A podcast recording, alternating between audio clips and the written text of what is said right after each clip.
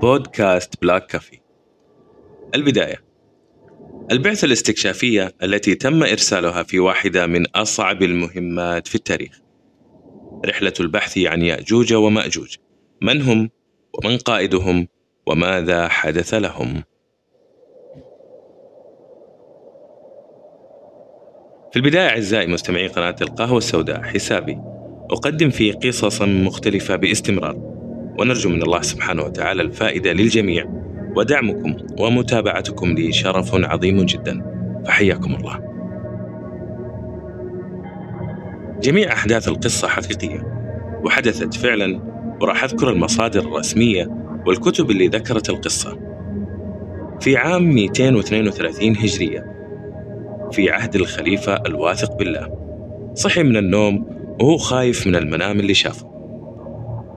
شاف في المنام إنه السد اللي بناه ذو القرنين عشان يحمينا من يأجوج ومأجوج. تم فتحه للعالم.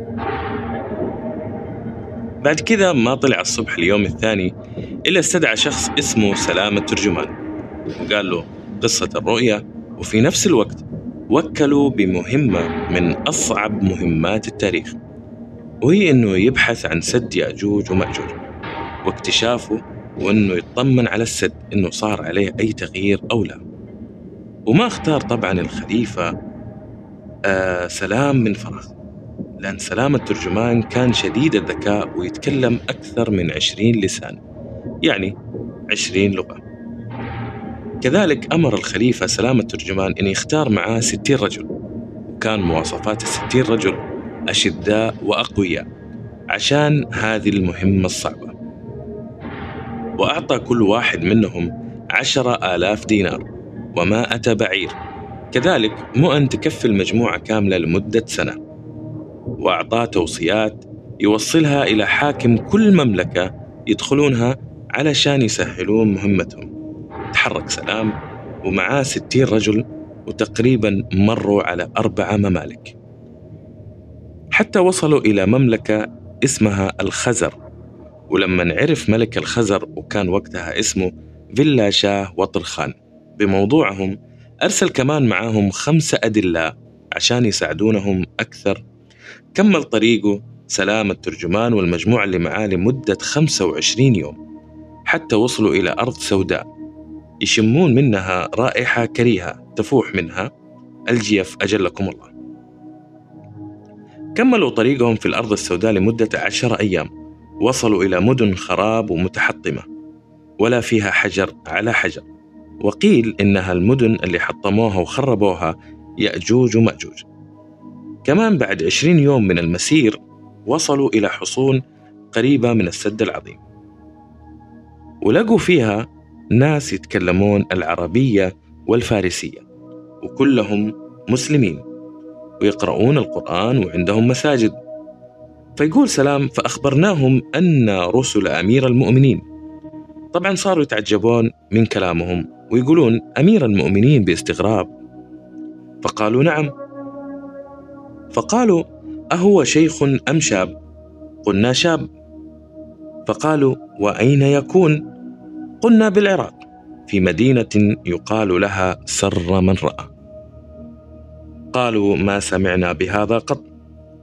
كملوا مسيرهم. وصلوا القرية يقال لها إيكا.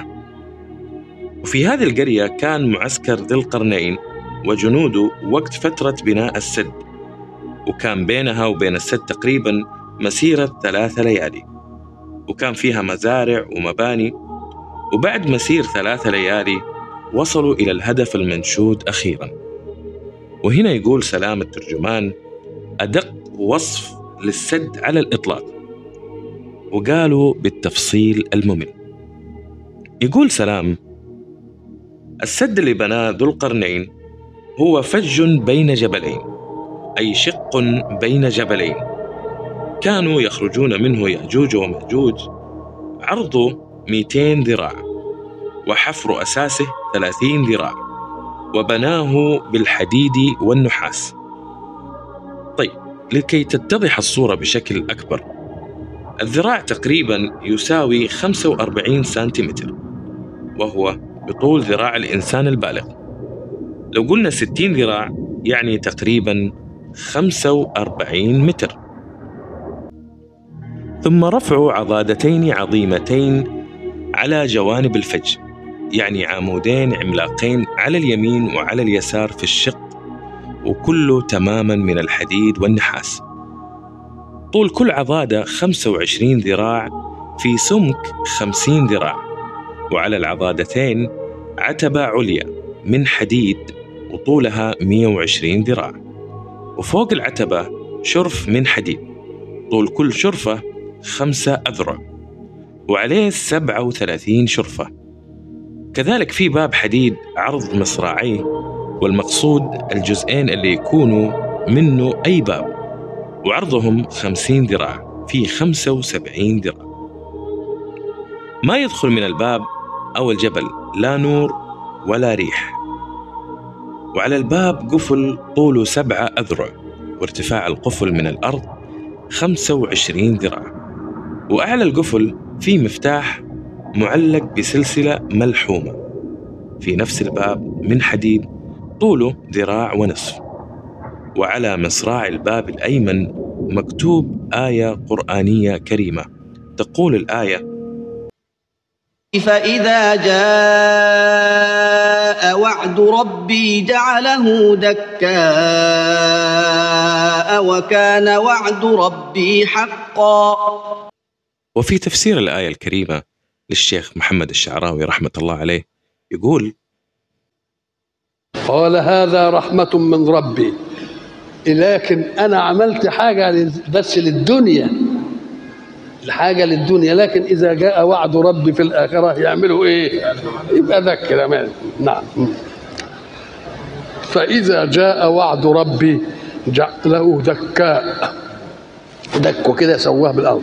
وكان وعد ربي إيه؟ وكان وعد ربي حق. طب وليه قال دي كده ليه؟ أم قال لك؟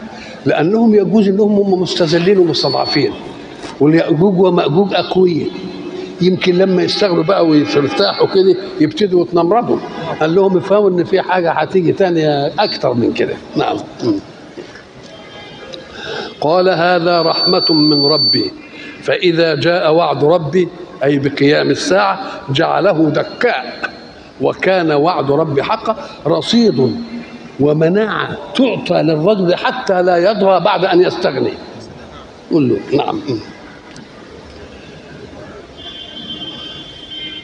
قالوا بقى إن المكان ده اللي هو في حتة اسمها بلخ الآن موجودة بلخ دي.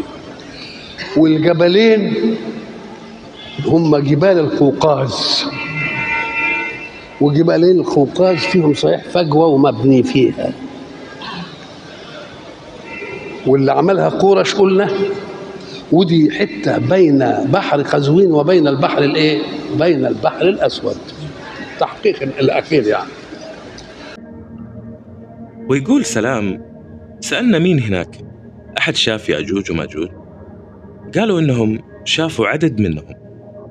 فوق الشرفة فهبت رياح سوداء فألقتهم إلى جانبنا. فكان مقدار الواحد منهم في نظر العين شبر ونصف الشبر تقريبا. ما يعادل حجم يد الإنسان وكمان فيه حصنين عند الباب. يعيش فيهم من أوكلهم الله لرعايته. السد ويوجد فيه أحد الحصون. آلات البناء اللي بنى فيها ذو القرنين السد. عبارة عن مغارف وقدور وبقايا من صهارة الحديد اللي التصقت مع مرور الوقت والزمن. رئيس تل الحصون يظهر في كل يوم اثنين وخميس. يقرع الباب قرعا له دوي. الهدف منه أنه يسمع اللي ورا الباب ليعلموا أن هناك حفظة وإن الباب ما زال سليم وهم يتوارثون هذا الباب كما يتوارث الخلفاء الخلافة. كمان الجبل من برا ليس له متن في وصفه ليس له متن ولا سفح ولا عليه نبات ولا حشيش ولا أي شيء. وهو جبل مسطح متسع قائم أملس أبيض. لما تفقد سلام الترجمان وانتهت المهمة تقريبا انصرف ومن معاه إلى خرسان. طبعا حاليا خرسان اللي هي تركمانستان وأقصى شرق إيران. حتى مروا على مدينة سمرقند ثم بخارى ثم إلى ترمذ ثم إلى نيسابور. ومات من الرجال في رحلة الذهاب 22 رجل وفي رحلة العودة 24 رجل واللي بقي معاهم من الرجال 14 ومن البغال 23 بغل. ورجع إلى الخليفة وقال له عن كل التفاصيل اللي عاشها وشافها. بعد رحلة استمرت 16 شهرا. في الذهاب و12 شهرا في العودة.